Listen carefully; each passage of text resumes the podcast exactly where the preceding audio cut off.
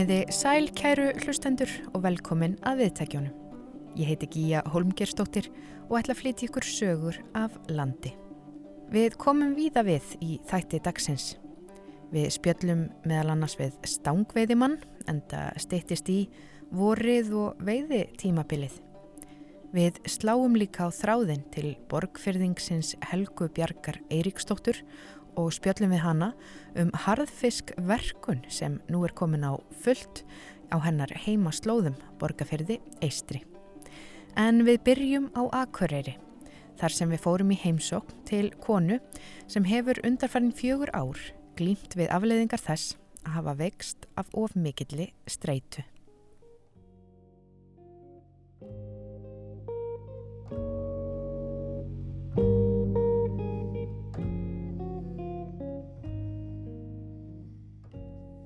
Við erum komin í heimsókn til Ingu Dagnýjar Eidal sem nýlega gaf út bókina Konan sem datt upp stegan, saga af kulnun. Í bókinni segir Inga Dagný sögu sína og byrtir brot úr dagbókum. Auk þess segir hún frá fólkinu sínu sem sumt þurfti einnig að takast á við áföll og alvarlega sjúkdóma. Í bókinni lítur Inga Dagný gaggrínum augum til fortíðar um leið og hún horfi fram á veginn í leitað lausnum og bata.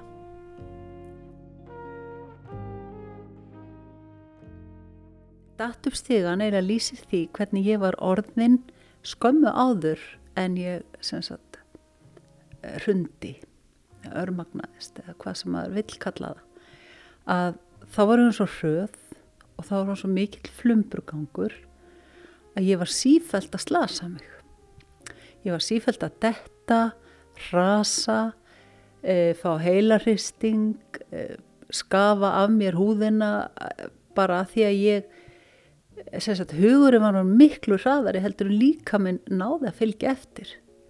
Þannig að ég til dæmis, ég þurfti að fara að hlaupa niður nokkrar hæðir til þess að ná mér í kaffi í vinnunni, vinnustæður á daldi mörgum hæðum. Og þegar ég var að hlaupa tilbaka, ég var svo opuslega mikið að flýta mér. Og þetta var allt svo svo mikilvægt og, og hérna öllu þurft að bjarga.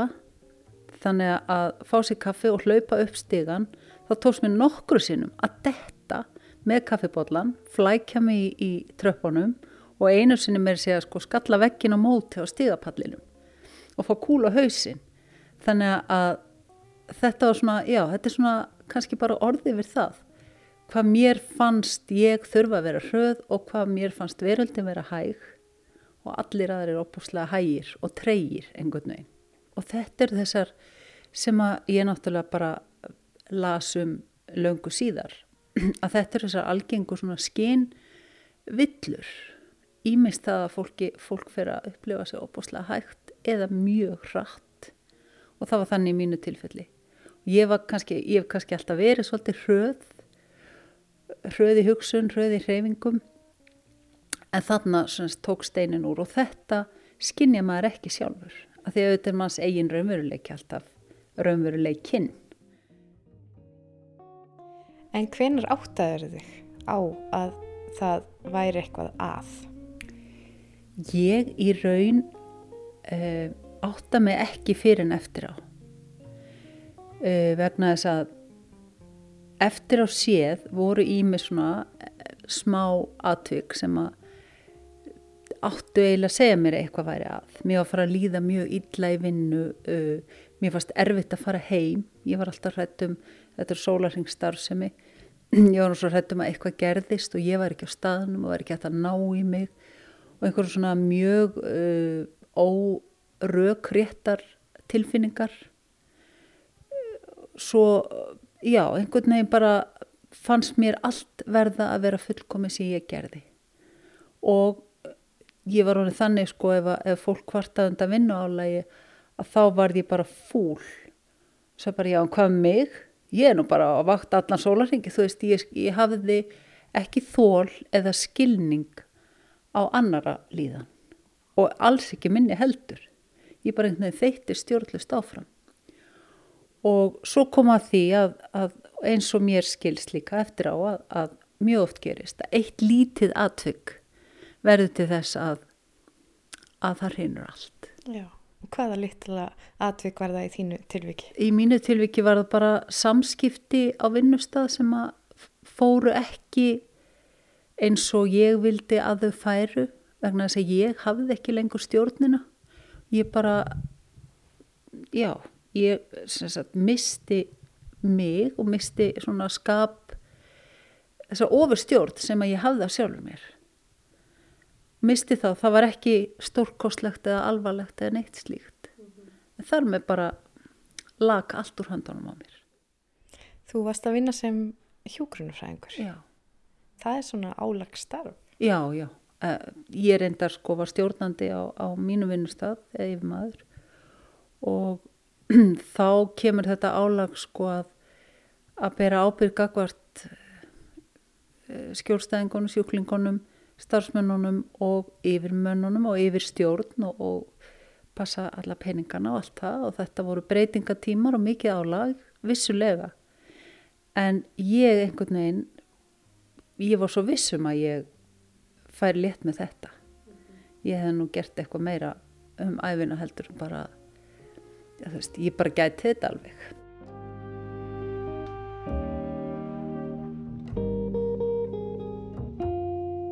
mín kynslu kemur úr mjög svona einföldu umhverfi.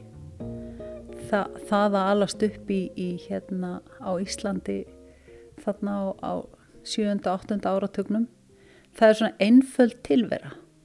Engar tölfur, það er bara nákvæmlega, við höfðum ekki þetta val, heimurum var ekkit bara í næsta nákvæmni við okkur. Þannig að e, ég var svona frekar feimið og innhvert barn. Eh, ég hafði góða greind og mér gekk vel að læra en félagslega var ég kannski svolítið bara í mínum eigin heimi. Og ég var mjög ákaft alltaf að reyna að vera eitthvað sem að ég kannski var ekki og kunni ekki alveg að meta mig og þessu reyni ég að gera svolítið skil því að ég held ofta að, að e, lífið mótist af þessum fyrstu árum og, og uppeldinu já hvað sé ekki uppeldinu kannski heldur þeim aðstæðum bara sem að kemur úr. Já, þú holst upp hérna á Akureyri. Já, Segðu mér aðeins frá uppvastar árunum Sko ég átti, átti góð og örug uppvastar ár þess að ég átti góða fjölskyldu og, og hérna e, virkilega það er ekkert, ekkert í uppeldinu sem slíkt sem að það var engin áföll eða ekki framan af allavegana en uh, það eru þetta tímatnir hafa bara breyst svo mikið að uh, það var kannski ekkit verið alltaf að, að hérna að rós okkur eða, eða sko við vorum ekki krullukynnslóð krullukynnslóð já það var ekki þannig að fóröldur okkar væri alltaf að sópa fyrir okkar, okkar kúlu. Við þurftum að læra að bjarga okkur og fórum mjög snemma að vinna. Bara strax eftir, eftir barnaskóla þá vorum við að vinna í fríum. Fóreldrar okkar unnu mjög mikið. Mamma mín var heima þegar ég var lítill en hún vann alltaf mjög mikið eins og bara týðkaðist þá. Uh, hún fór svo setna í nám og fór að vinna. Pappi vann alltaf tvöfald að vinna minnskosti hann kendi fulla kennslu og, og spilaði allar helgar Eh, ársins svo að segja. Og það var náttúrulega hann spilaði í sjallanum sem að þá var opinn öll kvöld vikuna nefna miðugudaga þannig að já, það, ég ólst upp við það að maður væri duglegur eh, einhver talað um lúterska dugnaðinn. Ég segi allavega íslenska dugnaðinn. Við höfum gerna með okkur af því hvort við erum dugleg eða ekki dugleg. Uh, það er satt uh, hvað gerir þú, hvernig gengur? Er góðu business? Já, það er brjála að gera hjá hann þek við þekkjum þetta öll. Já, skilgrinu sér út frá já, vinnunni. út frá dugnaðan og það var eh, kannski ekki mikið gefið rými fyrir andleg veikindi eða, eða sleppur vinnu eða svoleiðis? Nei, nei, alls ekki. Og ég man til dæmis las einhver tíman um þegar afi minn sem vann á sama vinnustad bara alla sína starfsafi uh, brendist á fæti minni mig. Mann til kannski ekki alveg rétt en það sem að sló mig var að það fylgdi sögunni að hann þurfti að fara í það útveða mann í sinn stað þá daga sem hann gæti ekki unnið. Þannig að réttindin náttúrulega kom ekki fyrir hann að sko í okkar uppvöxti. Réttindi til að vera veikur réttindi til þess að hugsa um sjálfa sig hugsa ekki bara um vinnuna fyrst og fremst. En mín kynslu er samt sko alveg uppið það að maður var helst ekki veikur nema maður bara væri við döðanstyr og maður let sér ekki vanta til vinnu og maður held áfram og það var svona allt, allt annað vinnu siðferði heldur en er í dag og bara annar hugsunarháttur.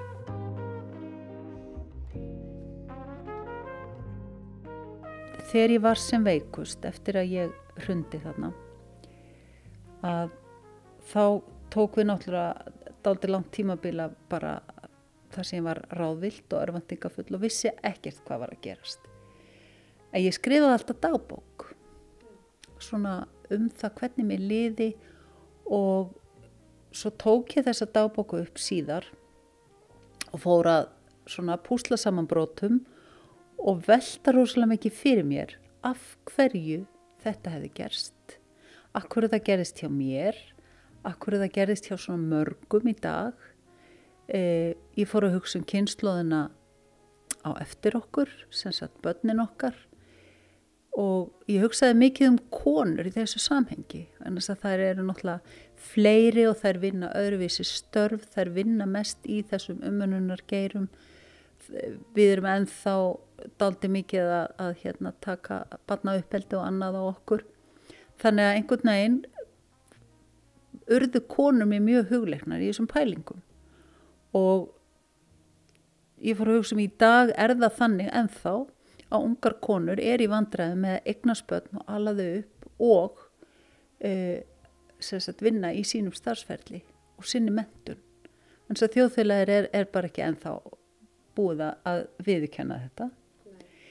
Uh, svo hugsaði ég um mína kynnslóð, okkur fannst vera að koma í jafnbretti, áttu mjög, mjög langt í land og kunnum alls ekki vera feministar svo er kynnslóðunar á undan og þá fór ég að velta fyrir mér eh, var það engin kulnun þá? Ekki, fór ekki fólki örmögnum hvaðum formaður okkar sem voru með fullt húsa börnum oft fátækt og, og allskynns aðstæður hvernig stóðu þær af sér? Og, og voru þær bara alltaf duglegar? Og þetta var það ekki þannig það brauta þeim alveg eins og okkur og þær tókust á við þá sinnhátt en það náttúrulega bara var ekki til neitt sem hétt kulnun eða örmögnun en það var ímislegt til sem hétt e, tögaveiklun eða hystería eða, eða þú veist sem að konur urðu fyrir frekar en kallmenn mm -hmm. svo segi líka frá af og ömmu hérna og pappa og kannski dreg það álegtun að þetta fólk hafi verið haldið kvíða og streitu. Það var bara ekki til sem hugtak. Þannig að hérna afi minn til dæmis var kvíðasjúklingur en að vera kallmaður á þessum tíma með einhverja kvíðagreiningu þannig að bara var ekkit í bóði þannig að það var aldrei rætt. Og eins eh, pappi sem vann alltaf sko, kallaði vinnu algi og opbúslega dugli og saði aldrei nei. Á náttúrulega uppskrift af örmögnun. Og ég held að maður getur uh, klára sig andlega og kert á vegg og, og, og hérna, orði mjög lasinn og langvarandi lasinn maður getur líka vext það er hjarta áföll uh, ónæmiskerfi bílar það er svo margt sem að heilin hérna notar til þess að sko bjarga sér og bjarga einstaklingnum. Eh, alveg eins og þú varst að tala um í byrjun þegar þú varst að segja að þú varst alltaf að detta og meiða þig. Þannig er heilin eiginlega bara að stoppa þig af. Já, nákvæmlega. Bara hingaði ekki lengra góða mín. og maður kann ekki að lesa þessi merki og svo gerist það hjá mér eins og mörgum að, að þegar að þessi ábáslega sjálfstjórn og, og hraði e, klárast og maður bara er búið með, maður bara fer á einhverju yfirbrenslu að þá líka fer allt í svona off-mode. Og hugsunum verður hæg, maður fer að gleima allt í einu ég sem þurfti aldrei dagbók eða nokkuð hlut, ég var með allt í hausnum bara góðila póstitt miða á tölfunni og allt í einu bara þarf ég verulega að skerpa mig til þess að muna það sem ég ætla að gera og, og hvað á að gerast næst. Þannig að já, taka mark á því hvernig mann líður og skoða það. Ekki bara sko, vera alltaf að veltast um í ráðan tilfinningum og, og spá ekki það af hverju manni líður eins og manni líður heldur kynna sér svolítið, lesa og skoða og fara svolítið inn á við. Hljómar svona kannski klísukent en svona eins og núvitundar eh, hugsun, hugsunin býður að maður skoði tilfinningar sínar. Já, og takist mögulega á við eigin fordóma. Nákvæmlega, því að maður er mjög fordómafullur, miklu meira en maður heldur. Þannig að, að þetta geta allir gert. En stundu þurfum við auðvitað að breyta aðstæðum okkar í lífinu Og vissur þessar sögur eh, fór maður að þinna eða komuð þær þér á óvart svona eftir að þú fórst að rannsaka þetta út frá þinni áfalla sögu?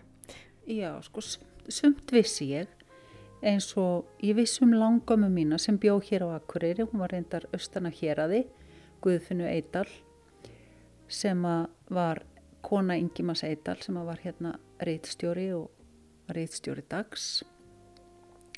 E, hún greindist með, eða greindist, það er líklegt að það hafi verið þunglindi. Hún allavega þegar hún var búin að egnast e, tvö af fjórum börnum minni mig e, að þá sem sagt greinist hún með geðveiki eins og það bara var kallað. Það var mjög greind og glæsileg kona og, og hérna en hún var auðvitað langt að heimann og, og kannski öðru umhverfi en hún var vön. E, hún er send á Kleppspítala sem að þá var náttúrulega, þá voru geðlagningar ekkert líkar því sem það er í dag og hún var þar í eitt ár og henni ofböð. Henni ofböð gjörsamlega meðferðin og það sem átt að heita lækningar á sjúklingum. Og hún lýsir því, hún lýsir, hún skrifaði langa bladagrein, fekk hann að byrta í Alþýðublaðinni Reykjavík fyrst eh, og hún var, var alþýðuflokkskona eh, það sem hún lýsir hreinlega kaffaringum, svelti vasslækningum allskynns sko stór undarlegum hlutum sem áttu að vera til þess fallnir að lækna fólk að geðveiki.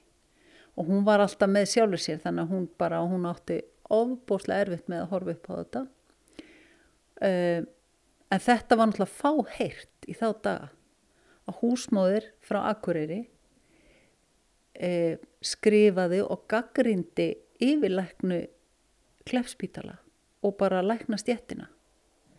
Þannig að þetta var daldi mál en, en langafi tók hann svo bara heim og hún fekk svo þessa greinbyrta hérna í degi líka á Akureyri.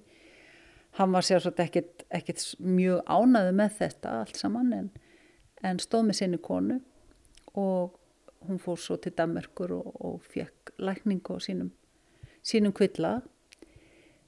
Þetta er svona stóri drættir í hennarsögu og, og við, og ég allavega er mjög stolt af þessari konu því hún vakti aðtikli og hún uh, kannski ítti af stað því að, að það var að fara að skoða þessa hluti allavega átti stóna þátt í því Það má eiginlega sama segja með þína bók mögulega að, að það sé hérna, verðt að, að tala um þessa hluti og lýsa reynslu af kulnun út af því að þetta er eins og já, það er nú einn faraldur í gangi núna en, en þetta hefur líka verið sagt vera faraldur.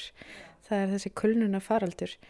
Hafa margir haft samband við því sem að þekka sig í sögunni þinni? Mjög, mjög margir og jáfnvel núna þá fæ ég tölvupósta og skrif það sem einmitt, eh, einmitt þá finnst mér svo skýrt að þetta er faraldur. Og við þurfum um, gerir ráð fyrir því að, að hlutinir komist á eðlilegt ról fyrir varir og þá verður mjög mikilvægt að einmitt við þurfum að skoða afleðingar og við þurfum að skoða orsakir og við þurfum að spá í hvernig getum við breytt samfélagin okkar og samskiptum okkar þannig við séum ekki að búa til þessi tilfelli? Og að fólk sé ekki að sigla svona eins og ég á, á 100 km hraða án þess að sko gruna það. Kulnu var eitthvað sem ég vissi alveg hvað var en ég bara tengdi þetta ekki við mig. Nei, heimitt Ég var sterk. Er þetta kannski það sem margir kannast við að þetta á ekki við mig. Ég Mm, get ekki lagt í mm. þessu og það er, það eru sameigilegi þættir. Ég fór nút í það að lesa fullt, fullt af rannsóknum og skoða og, og, og kynna mér. Að það eru mjög sameigilegi þættir með mörgum. Að fólk sem hefur verið í almanna þjónustu sem hefur verið í ummönnun uh, þetta eru oft sko duglega og samvinskusömmu típurnar sem að, og, og ég held eins og ég mér það er svona ákveðin fullkomnar árátta að, að kemist nú ekki upp um það, ég væri kannski ekki alveg stugleg og, og ég held ég væri eða aðri held ég væri og, og alltaf á tánum að klikka aldrei. Og það er auðvitað mjög vond ef við missum allt þetta fólk úr vinnu. Og það þarf einhvern veginn að, að hérna, við þurfum að leggja svolítið frá okkur þessa dugnaðarhugsun. Ekki þannig að, að fólk með ekki vera duglegt og eigi ekki vera duglegt. En þú, það þarf kannski ekki alltaf að vera duglegur. Stundum bara er nóg að vera maður þarf ekki eins og að vera besta útgáðan á sjálfu sér. Maður getur jafnveg verið bara einhver frekar léleg út, útgáð á sjálfu sér og það er bara allt í lagi líka. Þannig að við þurfum að leifa okkur meira. Uh, já. Og ég held kannski að kynsluðan á eftir okkur sé að læra þetta aðeins aðeins betur vegna þess að ég skinni það aftur sjálfur mér að ég bara guðminn almáttur það, það, það er bara ekkit mótlætist þól þarna og þú veist þá er ég komin í, í fordómana þar sko. Já. þannig að ég þarf ofta að taka í nakkadrambið á mér og segja ok, þau kannski vilja ekki enda eins og þú. Þannig að ekki að ég sé neitt búin en ekki, ekki lenda þarna. Þannig að það er bara frábært og mjög gott En hvað tekur við hjá þér núna? Hvað er framöndan hjá þér?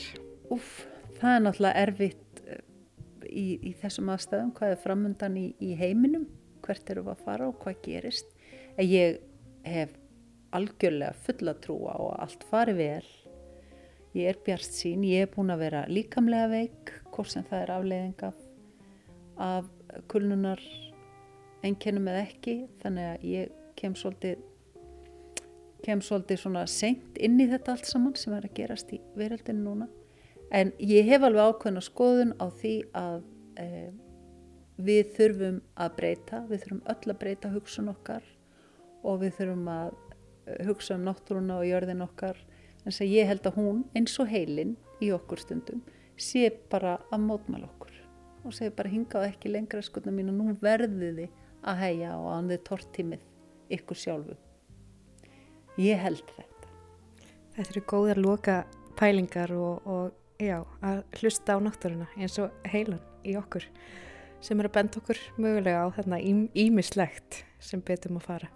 En takk fyrir að spjalla við okkur Inga Eidal og gangið vel. Takk fyrir sömu leiðis, takk fyrir.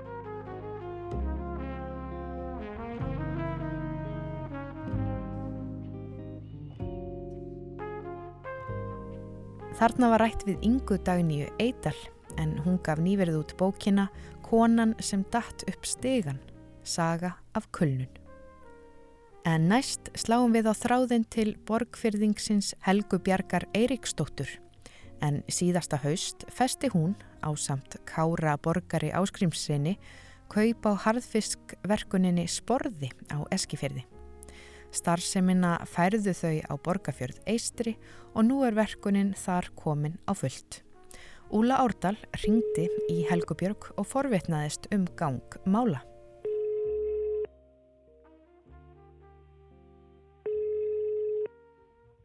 Það, kemur þannig til að, að eiginmaðurinn er í, er í hérna Oddfellow og, og það var einn félagi hans það sem stakk við á hann og hann var að brenda hans á ösku fyrir að fara að loka borði, harfiskverkuninni sem er búin að vera rekinn sko síðan 1952 og það var fyrst öllum það alveg ómulegt ef, ef þetta lokar og hættir og hvort að Kári væri ekki tilbúin til þess að kaupa þetta, hvort það vant að ekki fyrirtækja á staðin. Þannig, það er náttúrulega upphafið. Og hann er ekki þurft að hugsa svo um tvísvar? Nei, já, já, við veltum þessu nú svona fyrir okkur aðeins og mikið okkar og, og svona. Endurinn var sá að þetta var keipt. Og, og hvena var og þetta? Og nú er, þetta var bara, já, hvað ég segja, við hefum ekki skrifað undir eitthvað maður og handsalað þetta bara í end, endaðan september, byrjun oktober, eitthvað svona þess.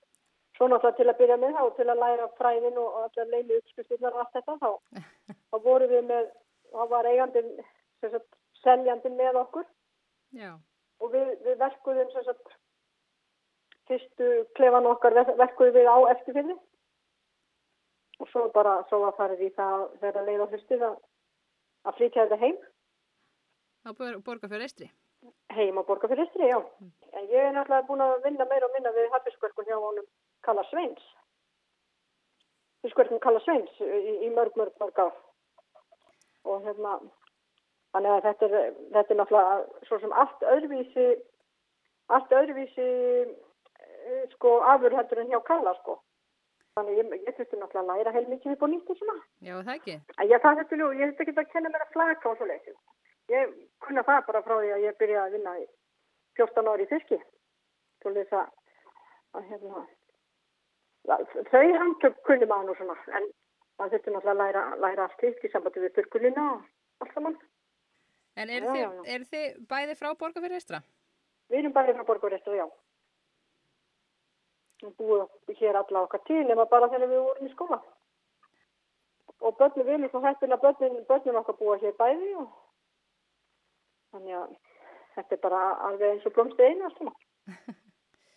Hvernig sjáu þið fyrir ykkur að, að þetta muni þróast? Já, vonandi, eins og ég segi, vonandi getur við, getur við hérna, gengur þetta það vel að við getum, að við getum stækkað og eða auki við okkur, auki framleysluna og, og, og bætt við okkur fólki, það er, það er draumurinn. Það eru tveir, eða þrýr starfskaftar reyndar, auk mín og þetta er bara ung fólk sem er, er flutt á staðinn og við bindum bara von, vonir við að, að hérna, við getum bóðið fleiri, fleira fólk í vinni þegar að framlega stundir. Er þetta eitthvað svo sást fyrir, svona fyrir árið síðan? Nei, ég hugsa, ég hef bara hlegið að viðkomandi ef einhver hefur sagt mér að ég myndi sitta hér sjálf hérna í, í kaffistofunni í skemmin okkar og, og hérna búið að taka allt í gegn og komið nýtt fyrirtæki. Ég, ég hefði nú flissað á því bara. En staðrættin er svo. Við græðum okkur bara hérna við eigum að skemmu og, og við græðum bara helmingin af henni undir, undir þessa spörsumi og það bara, veist, það bara er að virka vel. Ég veit ekki hvað gerist með hérna, stótturinn er búin að vera á sjósinu og relli vara þannig að pappa með spura hann nú að því að hann myndi kaupa harfiskorkun, hvort að hún myndi vilja vinna það. Að hún var ekki alveg vissum að hún myndi tíma að sleppa sjónum, sko, þannig að þannig að maður veit ekki hvernig þetta endar. Og sjónurinn, hann er náttúrulega, hann er líka, líka verið hvernig tíma hjá Palla Sönn, þannig að hann er alveg úrvalsplakari og það er ekki dótulegt að maður eitthvað þeim á þannig að áður maður næra ráða kannski svona fasta, fasta hérna starfsmenn. Já, náðum við ykkar lið. Já, náðum við okkar band. Draumurinn er náttúrulega að væri æðislegt að, að hérna, að við getum ráðið til okkar til dæmis hjón sem ætti tvö börn eða þrjú börn eða fjögur þess vegna. Þannig að flytjum fólk, það, er, það er draumurinn. Og hvernig er svona típisku dagur hjá ykkur? Sko, þeir eru nú aldrei eins.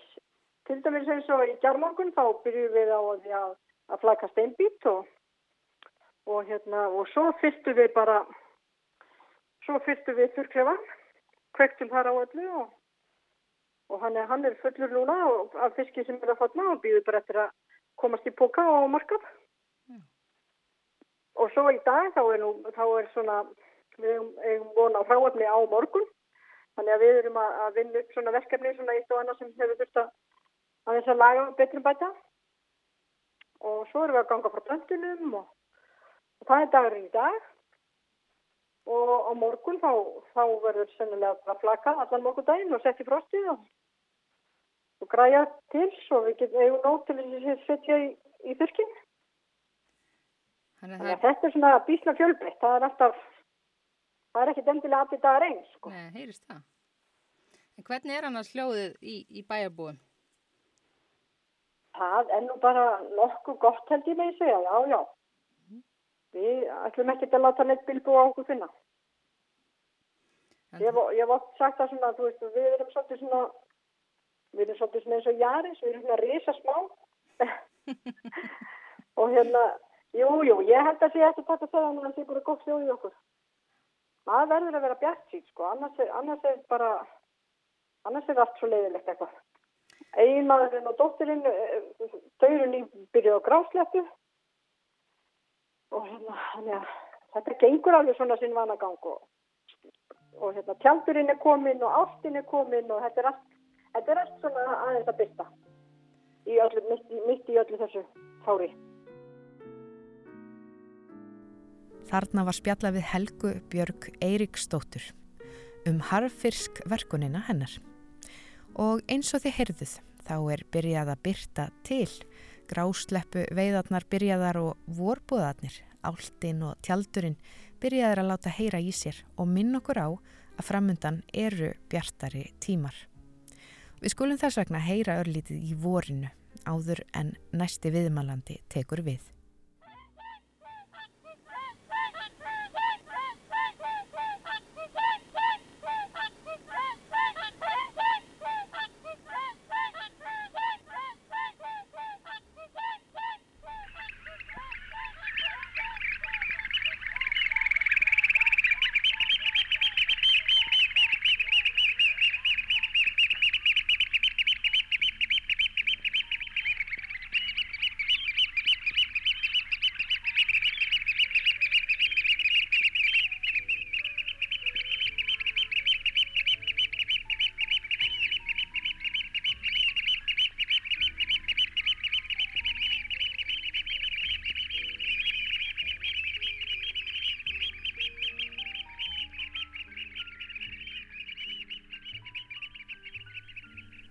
Á þessum tíma, þegar vorið byrjar að minna á sig, þá býða stángveiðimenn þess einnig með óþreyju að geta farið að mynda veiðistengurnar og njóta útíverunar á einhverjum fallegum árbakka. Það steytist í að bleikjuveiðin hefjast og þó sumar af bestu veiði ám landsins séu enn ísilagðar þá vorar hratt og ísin verður fljótur að hverfa og í samkomi banni og alls konar tilfæringum og vandræðum vegna koronaveirunar þá er ekkert sem bannar það að standa einn út í náttúrunni með veiðistöng. Ágúst Ólafsson hitti næsta viðmælanda úti í vor blíðunni á Eirinni á Akureyri og spjallaði við hann um veiðiskap.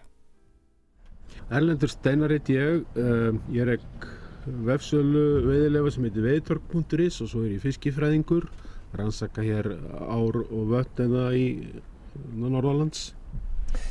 Nú er ekki bjart yfir ferðarþjónustunni út af koronavirunni. Það er eh, engin að koma og búið að loka hérna þessu. Hvað með sölu og veiðilegum í, í sílunnsveiðina í já, vor og sumar? Já, það, ég ætla nú það að það verði talsveru samdrattur á, á hérna, já, bara hrun, hvað var þar útlendingana, mm. en mér sýnist að Íslendingandir ætla að fara í sína veiði.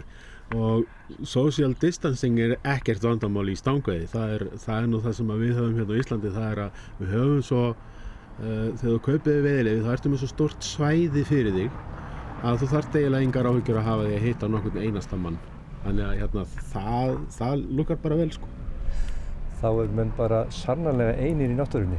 Algjörlega og, og þetta er náttúrulega, þetta er fullkomna sport upp á þetta að gera mm. og meira að segja uh, þegar það kemur lengar fram á sömari þá eru, uh, ef ætla að vera í veiðhúsum og svolítið, þá eru mörg veiðhús eiginlega fínt undir þetta búin. Ég nefnir sem dæmi þannig að veiðhúsin í Fnjóská því það eru það eru sko, þetta eru mörg lítil hús þannig að maður geta einangra sig í hverju húsi og, og þau eru ekki að vera í miklu samskiptum hverju annan Hver er upp á sáiðin?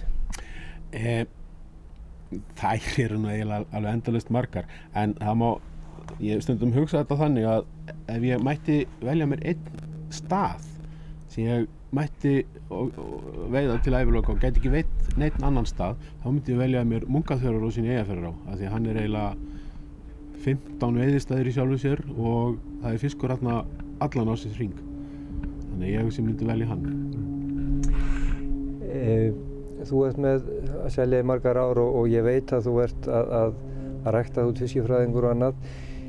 E, ertu eitthvað að velta fyrir þér um vetratíman ræktuna ám og, og, og bleikjum í ám og vötnum?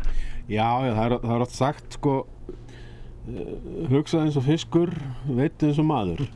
Og, og maður er náttúrulega alltaf að setja sig í spór fisksins og, eins og núna þá ég fer reglulega hérna söður í á og tek drónamyndir og fylgist með stöðun, stöðumála og nú er allt ísilagt sem er frábært fyrir hag bleikjunar af því að hún veriðist hérna kunna vel við uh, svona alveg árstíðir þar er að segja komið snart sömar og hörku vetur og hann sé langur þetta er kannski ekki alveg eins gott fyrir þá veiðminn sem ætla að fara að veiða hérna núna 1. apríl en hérna kannski kemur bara stíf suðvestanótt í þrjá daga með góðum vindi og, og reynsar ána en, en veturinn virðist að, hugsa ég hafi verið bara nokkuð góðu fyrir fiskin því að því við viljum hafa svona nokkuð stöðugar aðstæður og helst bara, bara fínt á eins í lok, bara ísi lögð þá, þá er svo þá er svo lítil, lítil breytileiki í gangi niður í áni sko. það vesta er þegar að leggst ís á hana.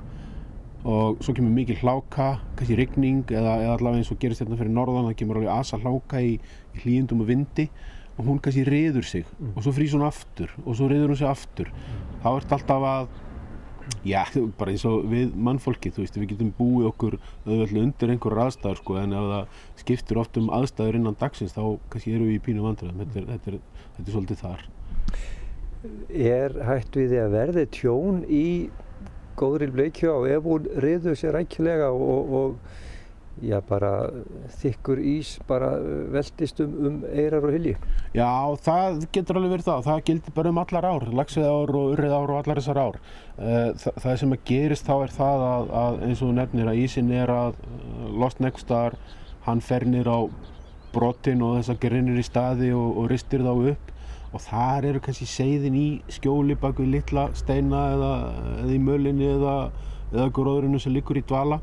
Og hérna við viljum bara hafa sem bara heilt yfir sem minnst rask sem mest á stöðuleika Er, er verið að, að panta veiðilefi alveg frá hausti og frá mór?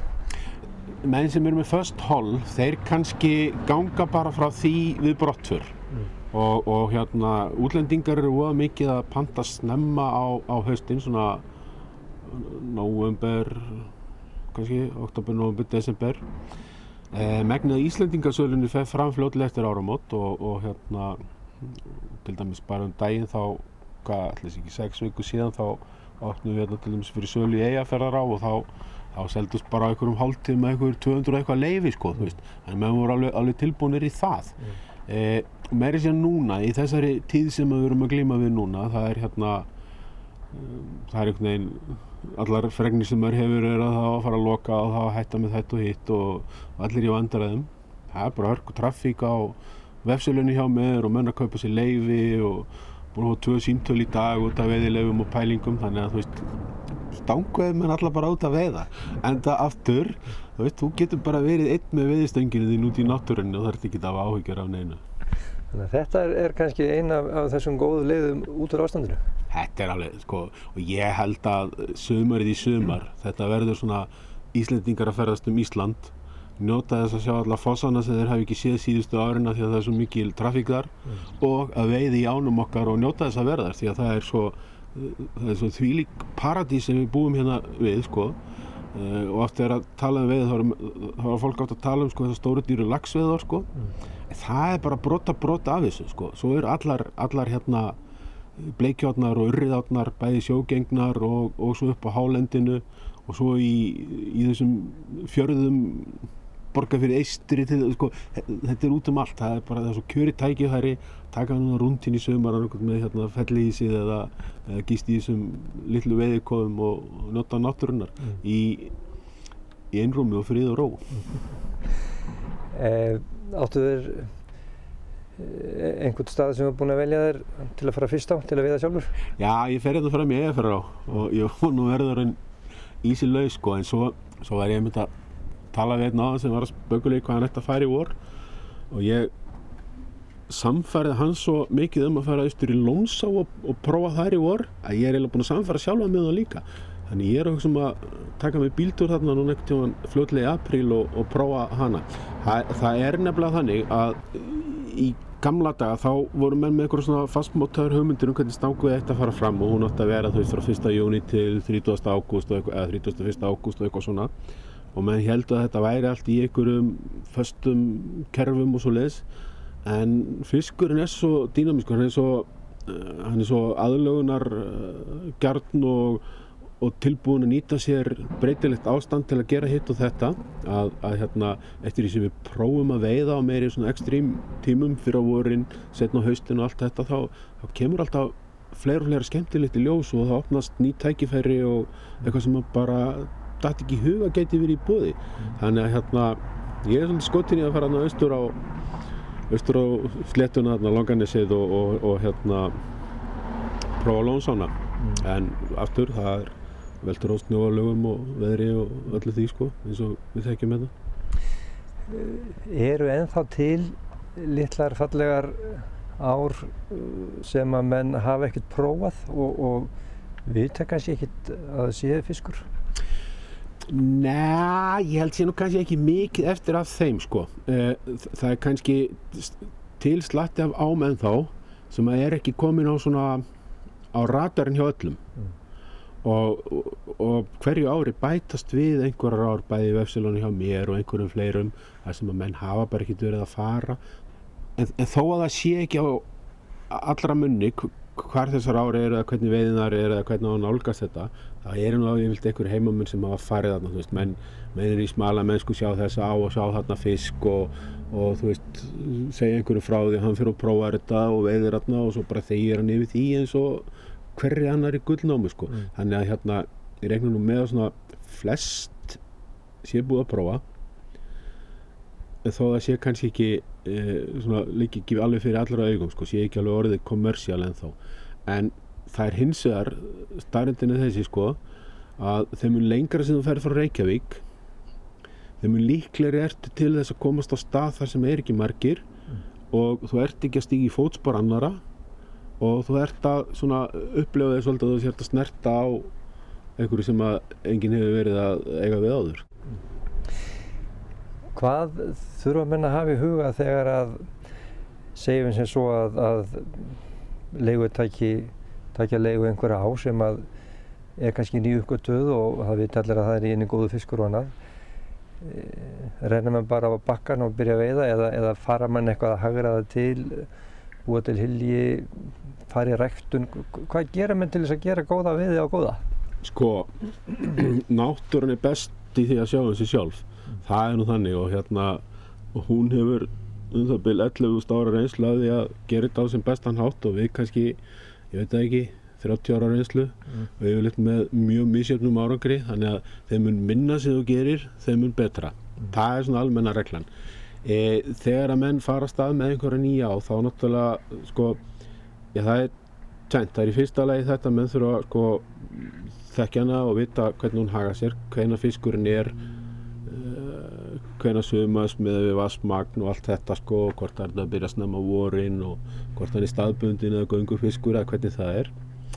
Og, og svo er það hitt að svo þarf þetta að hérna, koma einhverjum öðrum selja öðrum hugmyndunum það að veiða þarna og það er nú bara þannig að uh, gengum tíðinu þá bara veiði tölur verið besta sko sölu vapnið þar.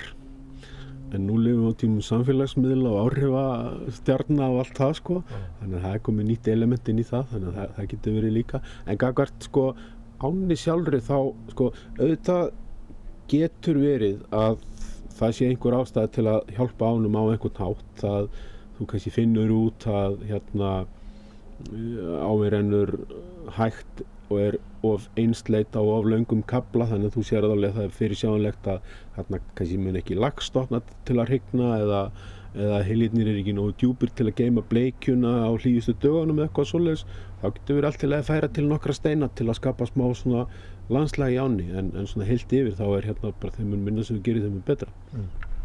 Er þetta eðilegja á einhvern veginn? Það er þetta eðilegja á með, bara á allan mögulegan hátt það er þetta eðilegja á með því að eiga við hana. Það er þetta eðilegja á með því að setja einhver efn út í hana sem að klóra eða eitthvað sem að drefur lífrikið það er þetta eðilegja á með því að ofveið hana og, og, og þannig að það eru ímsa leið til þess já. Mm. og all, all flestar ára á Íslandi eiga undir högg að sækja á mannunavöldum, það er þrengt að þeim þannig að hérna, við þekkjum það hérna bara inn í eiga fyrir því að árnar hérna það er alltaf minn og minna pláss úr að spila. Mm. þetta eru dragár sem að vaksa mikið í flóðum, bera með sér mikið efnið fram og eru með svolítið breytilega farveg og það er höfðu fyrir, þú veist einhverjum hundruðum ára, þá höfðu þær miklu breyðara svið til að flakka um en í dag er búið að þrengja að þeim og það er kannski það sem við þurfum að fara, fara að hugsa um það er það hérna við höfum ekki að set, setja þetta þannig upp að við séum einhverja landvarnir gagvart ánni mm. Heldur við þurfum að leifa henni að hafa sitt svæðir svolítið sko. Auðvitað viljum við hafa rægt að land og allt það sko en mm. við þurfum kannski að gefa henni svolítið meira frí spil með það hvað það eru og hvernig það er hérna hagað sér. Mm. Nú er alltaf káið snjó og, og ís á, á þinn uppáðs á. En þú ætlar samt að drífa það fljóðlega þannig að stöngin fer að fara hérna í skottið að jeppa niður fljóðlega Já, stöngin er klárin í skúr sko, ég er með þrjára uppsetta því að ég, ég, hérna, ég er ofta að vísindast eitthvað og fer stundum og veturna og merki fisk hér og þar en það er allt klárt og, og bara bara með í fyrsti april koma sem fyrst e, ég fór fyrir helgi hérna sér ég á og tók drónamyndir á annir og og hún er ekki veiðileg sko, það brísi yfir öllu, ég sá eina vök í allri áni hérna á næstu þrejum sveðunum mm. en aftur, þetta er fljótt að breytast, þetta breytist bara á bara tveið þrjum dögum sko. Takk fyrir spilið. Takk sem við leiðis. Þarna rætti Ágúst Ólafsson við Erlend Steinar Fredriksson um veiðiskap. Og með þessu síðasta einslægi er komið að lokum í sögum af landi í dag. Tæknimaður í þessum þætti var Markus Hjaldarsson Við þökkum þeim sem hlýtu, lífið heil.